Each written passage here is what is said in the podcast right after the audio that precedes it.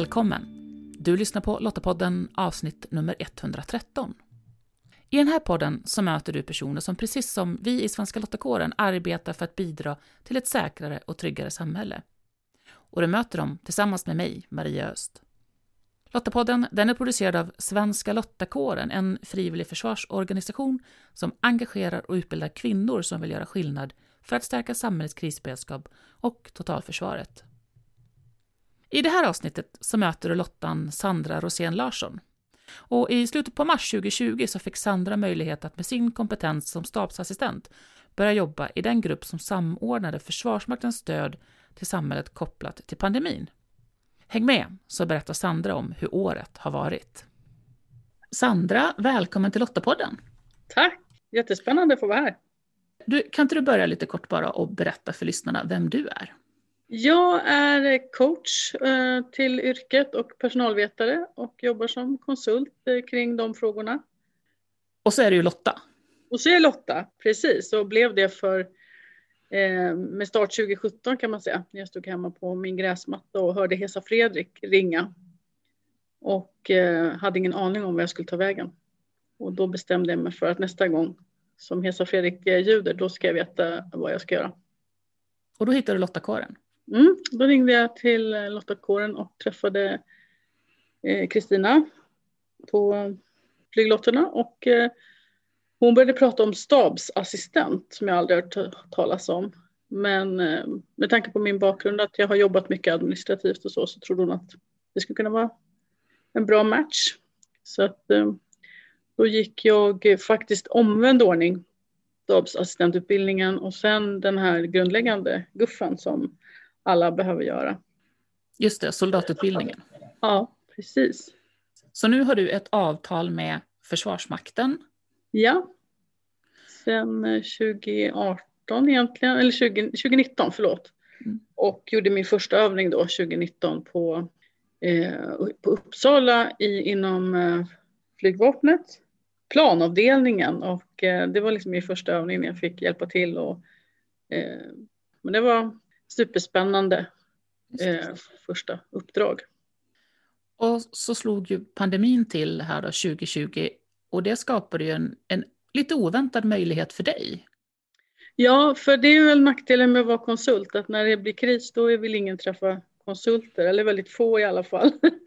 Så då satt jag hemma och många av mina uppdrag eh, blev avbokade och så tittade jag in på Facebook-sidan där vi assistenter har ett litet nätverk och där stod det en förfrågan om någon kunde komma till högkvarteret och hjälpa till, någon stabsassistent. Så jag ringde till, eller ringde gjorde jag inte, men jag fick eh, kontakt med, med dem där och ehm, sa att jag är tillgänglig på en gång för jag hade ingen aning om, det, det mesta var avbokat liksom den närmsta månaden. Så att jag klev in där redan på måndagen, det här var på fredag. Tänkte att jag skulle jobba några dagar, hjälpa till och strukturera lite, men eh, det var i slutet på mars det här, 2020, närmare bestämt 23 mars och jag är fortfarande kvar där nu och nu står vi i början på 2021. Och vad var det de behövde hjälp med? Ja, det var ju väldigt mycket förfrågningar som ramlade in till Försvarsmakten om stöd till samhället med olika typer av resurser, bland annat eh, skyddsmaterial såklart, som var väldigt akut i början med eh, stabsresurser faktiskt till olika krisledningar på svenska myndigheter och regioner. Och annat material, det var alltid liksom från tält, fältsjukhus, eh, transporter, ambulanser. Eh, så att alla de förfrågningarna hanterar vi i covidgruppen som jag har ingått i sedan i mars 2020 och handlägger och tar beslut. Vad kan vi ge? Och sen skickar ut order då till de olika militärregionerna när vi har tagit beslut om att ge stöd. Så det är väldigt eh, spännande arbete. Ja, det, det kan jag tänka mig. Mitt i händelsernas centrum med andra mm, ord. Verkligen. Så jag har lärt mig otroligt mycket det här året. Det har varit eh, en bra skola att komma in och förstå Försvarsmakten, hur allting hänger ihop. Jag sitter på det som heter Joint Operations Center som är alla försvarsgrenarna. Eftersom vi behöver använda resurser lite från, från all, alla håll och kanter när vi ger stöd. Så jag har fått en, eh, en, eh, insyn i allt det där som man fick lära sig under stabsutbildningen med organisationen och så har jag lite fått se på, från insidan och kunnat ja, få kontakt med eh, alla delar på lite olika sätt. Då. Så det har varit en väldigt bra skola. Härliga människor såklart, man har fått lära känna nu, jag har blivit kvar där så pass länge så det har varit eh, väldigt roligt också. Jag har inte jobbat i en statlig myndighet tidigare så det är en kul erfarenhet också. Ja, just det. Och, och, jag tänker som stabsassistent då, har jobbet varit det du fick lära dig på utbildningen? Har det liksom stämt överens? Både ja och nej. Eh, dels är det väl så att när man inte är på en militärregion så, så är det ju mycket mer data styrt än vad det är när man går den stabsutbildningen är ju väldigt mycket Eh, på papper och mer manuellt så. Men eh, jag har väldigt god nytta av, av begrepp som jag lärde mig under utbildningen och kanske, hur ska jag säga, förhållningssättet som vi fick lära oss. Att de var operativ och stötta på olika sätt och så tycker jag att jag har haft nytta av. Och ehm, ja, men att liksom kunna känna till förkortningar, även om jag har lärt mig ett gäng nya det här året eh, som både har med Försvarsmakten att göra och annat. Så att det var, eh, jo, men jag tycker att jag har haft eh, att det var, eh, användning för väldigt mycket, men jag har också fått lära mig väldigt mycket nytt. Men jag tänker, nu har ju du väldigt specifikt då varit inne och, och stöttat eh, Försvarsmaktens eh, insatser nu under pandemin. Och jag vet, lite har vi ju läst i media, men, men hur stort har det varit egentligen? Ja, men det är ju väldigt omfattande stöd som har givits. Eh, eh, det är ju 21 regioner som har begärt stöd. Jag tror, jag vi har ju gett stöd till alla regioner i olika former. Eh, och då har det varit allt ifrån att stötta med helikoptertransporter av IVA-sjuka patienter som är ganska dyra kostnader. Det är inte så många transporter men det är väldigt mycket pengar egentligen som samhället lägger på att rädda liv och det tycker vi är bra när vi kan hjälpa till med det. Nu, just nu så stöttar vi med fyra ambulanser här i början på 2021 eh, som hjälper till i de regionerna där det är som tuffast mm. just nu. Men i våra, eller våren 2020 så var det 12 ambulanser som var engagerade som är militära ambulanser. De är som backar upp de sjukvårdsregioner som inte har hunnit med allting. Då. Och sen i form av personellt stöd så har det varit eh, jag tror som mest hade vi eh, drygt 40 personer ute i olika krisledningar i Sverige, myndigheter och kanslin. Sen har vi även hjälpt sjukvården med, ja, dels att bemanna de här ambulanserna och helikoptrarna, men också med med an, annat eh, eh stöd. Men, men framförallt att bygga fältsjukhus. Så att vi hade ju ett fältsjukhus som byggdes upp i Älvsjö men som tack och lov aldrig behövde användas. För att eh, sjukvården lyckades ju eh, bemanna och bygga platser på befintliga sjukhus i Stockholmsregionen. I Göteborg hade vi ett fältsjukhus som vi byggde och som användes eh, under våren 2020. Eh, och sen har vi också hjälpt till med en hel del utbildning och då har det varit i form utbildning av hur använder man skyddsutrustningen, alltså skyddsmaskerna i första hand. Där har vi stöttat inte bara sjukvården utan också andra myndigheter som har velat ha beredskap. Eh, och vi har också hjälpt till att utbilda hur bygger man ett fältsjukhus för att eh, Socialstyrelsen till exempel, de har ett eget fältsjukhus som har byggts och använts i Helsingborg.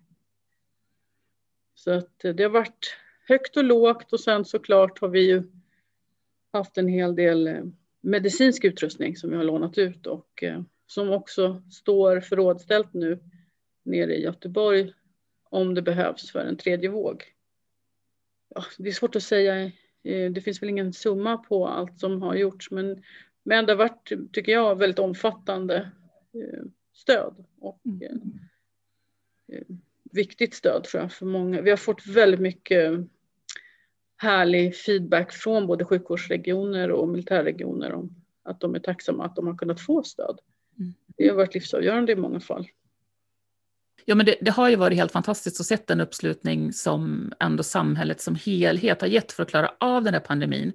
Och, och som sagt, det, det, börjar ju snart gå mot ett helt år. Det är ett otroligt långt, utmanande, annorlunda år som vi har mm. fått leva med det här. Och det har varit fantastiskt just att se, och det, det ser ju vi som frivillig försvarsorganisation också, den möjlighet som våra medlemmar, du är en av dem, har haft i att verkligen kunna hjälpa till och göra det man är utbildad i, i en skarp insats. Det är lite häftigt att vara med om. Mm. Och jag tänker att för Försvarsmaktens del så är det ju väldigt mycket också i att ja, men bekräfta det man har övat för och testa det i skarp insats. Det, mm. Och speciellt fältsjukhuset tycker jag, det har ju varit jättehäftigt att se den uppbyggnaden i våras. Ja, fältsjukhusen och också tycker jag att vi har fått väldigt bra feedback och tacksamhet från de myndigheter som har använt våra resurser i krisledning och där har vi verkligen en unik förmåga och får väldigt mycket uppskattning för att vi snabbt kan gå in och styra upp och leda och göra arbetet, eh, att det sätter igång och att det drivs framåt. Och det kanske inte är det som man har tänkt på i första hand kring Försvarsmakten. Ja, men jag tänker också utifrån eh, det samarbete mellan det civila samhället och Försvarsmakten som behövs och som också är under uppbyggnad i, i, eh, i och med totalförsvarsplaneringen. Under 2020 så skulle ju totalförsvarsövningen 2020 ha genomförts och nu nu fick man ju möjlighet att faktiskt testa det här i skarpt läge. Kanske inte idealt, men jag tänker att det också har gett otroligt mycket lärdomar. Oh ja, vi har ju haft ett enormt nära samarbete, framförallt med Socialstyrelsen, men också med alla sjukvårdsregioner. Eh, veckovisa möten, i början var det ännu tätare, men, men eh, vi har fortfarande veckovisa möten. Och, och det har ju varit avgörande för att kunna ligga nära varandra, kunna hela tiden informera varandra. Vi har fått lägesbilder från dem varje vecka och vi har gett dem eh, den information vi kan ge om, om hur, eh, hur det ser ut liksom med de ärenden som vi hanterar och vad vi kan göra. Så att, eh, på riktigt har det ju varit en, en skarp övning i hur, hur det ska fungera. Så att, det är klart att man inte vill att det ska övas av den här anledningen, men det har förmodligen blivit en bättre övning än vad det skulle ha blivit om den var påhittad. Eh, jag hoppas, eh, vi har ju en hel del erfarenheter som vi redan har samlat in via vår erfarenhetsavdelning. Eh, och jag hoppas också att vi, vi har samverkat bland annat med Socialstyrelsens erfarenhetsavdelning och att de, de lärdomarna kan tas in i, i nästa skede. Mm. Det, det vet jag i alla fall att ambitionen är jag tänker att i pandemin så har vi lärt oss otroligt mycket på bredden i, i samhället. Som, vi har ju ändå haft det ganska tryggt. Alltså, vi har kunnat handla mat, vi har, vi har haft el och värme och, och vattnet har runnit i kranen och sådär. Så att mm. ur den aspekten så, så har vi ändå haft eh, ett fungerande samhälle. Sen har det såklart varit otroligt jobbigt eh, att behöva tänka på att inte ses, att inte kunna resa som jag är van på, att, att, att förändra de delarna. Men ja, mycket har vi att lära, tänker jag, som vi också kan ta med oss som förbättringar framöver och inte bara återgå till det som en gång var. Men precis, bara, bara det att vi har kunnat uh, hålla undan massa andra sjukdomar gör ju att vi mm. kanske behöver fortsätta använda en hel del av de bra rutiner som vi har fått in i smittspridning och annat. Så det är klart att uh, både i stort, stort och i smått så har vi ju lärt oss massor faktiskt. Nu är ju inte ditt uppdrag slut än, men vad tar du med dig av den här tiden? Det är ganska mycket tror jag. Jag har inte riktigt eh, eh, tänkt färdigt, men dels så tar jag ju med mig en massa goda erfarenheter av hur, eh, hur den del jag, i Försvarsmakten jag har varit på fungerar och eh, hur kul det kan vara att jobba på Försvarsmakten. jag har skrattat tror jag varje dag, inte åt eh, pandemin men åt liksom situationer och, och vi, vi, har haft otroligt roligt och, och eh, kunnat jobba ihop ehm, ett riktigt bra flöde tillsammans. Eh, så att, eh, det största är nog att jag tar med mig vänner för livet och, eh, men också jag har haft väldigt goda förebilder som ledare och eftersom jag själv jobbar med ledarskap så är det kul att se att Försvarsmakten har ett gott ledarskap inifrån. Men också att jag kan bidra med mina förmågor utifrån på det som jag tycker Försvarsmakten är väldigt bra på, i att ta in folk och låta dem bidra på sitt sätt med sina förmågor. Och eh, det är nog det som jag tycker är häftigt och kanske häftigast. Att man verkligen lever efter devisen att alla är utbytbara och att eh, vi tar vara på de resurser vi har. Det tror jag faktiskt är det som jag har lärt mig mest av. Eh, och jag tycker det är otroligt positivt att, att få komma in och se en sån handlingskraftig organisation. Sandra, stort tack för att eh, du ville berätta om, om den möjlighet som du har fått tack vare ditt engagemang i, i Lottakåren. Och så hoppas vi att fler som lyssnar känner sig inspirerade att påbörja sin resa mot eh, ett engagemang också. Ja, det hoppas jag med. Tack så mycket för att jag fick vara med i eh, Lottapodden. Så spännande att höra Sandra berätta och så kul att hon fått möjlighet att efter utbildning kliva in i verkligheten och testa kunskaperna på skarp verksamhet. Att få göra en insats precis som hon utbildat sig för. Pandemin är ju inte över än och samhället kommer fortsatt behöva stöd från både Försvarsmakten och frivilliga för att hantera till exempel vaccineringen. Och lästips relaterat till det vi samtalat om i det här avsnittet det hittar du på lottapodden.se. Ja, pandemin har ju frestat på vårt samhälle eh, och på Mötesplats samhällssäkerhet den 23-24 mars så kommer erfarenheter från hanteringen av pandemin vara en del av diskussionerna. Och Lottapodden är även i år stolt ambassadör för Mötesplatsen. På samhallssakerhet.se kan du ta del av hela det intressanta programmet och köpa din biljett till den digitala mötesplatsen.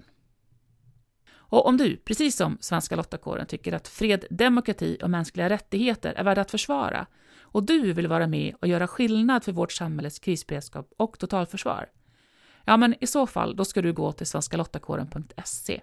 Där hittar du information om hur just du kan göra skillnad. Nästa avsnitt av Lottapodden kan du lyssna på om två veckor den 4 mars. Och då möter du kommundirektören i Upplandsbro, Ida Texell. Eh, ja, men när jag talar för min kommun så gjorde vi tidigt. Vi tog fyra mål och de bygger på den svenska strukturen för krisberedskapen. Ett av de målen handlade om att säkra funktionalitet. Det var otroligt viktigt för mig och vi la tidigt en tidshorisont på minst 30 månader långt framöver. Det vill säga att med uthållighet och med en fas klara av att leverera samhällets funktionalitet även under pressade förhållanden. Och under covid-19 så har vi visat på både god förmåga och kvalitet då vid den här operationaliseringen som man kan säga de här statliga besluten. Skolor har ställt om på några timmar till distansundervisning. Personal på äldreboenden har levererat sjukvård i människors bostäder långt utanför sjukhusens salar och väggar. Och i brist på egen utrustning har vi tillverkat utrustning. Vi har samverkat med frivilliga och vi har hittat nya sätt att kommunicera med invånarna. Så jag skulle vilja säga så här, Sveriges kommuner har under pågående pandemi gjort sitt yttersta, solidariskt ställt upp med sjukvården och framför allt tillsett att vi har engagerat frivilliga medborgare och människor i vår omgivning till att faktiskt lösa de här svåra umbärandena som Sverige varit inne i. Så om du inte redan gör det, prenumerera på Lottapodden så får du en påminnelse när nästa avsnitt finns tillgängligt. Du hittar podden bland annat i Apple Podcast, Podbean eller på Spotify. Och om du gillar Lottapodden, berätta gärna för andra om den. Och tack för att du lyssnar. Hej så länge!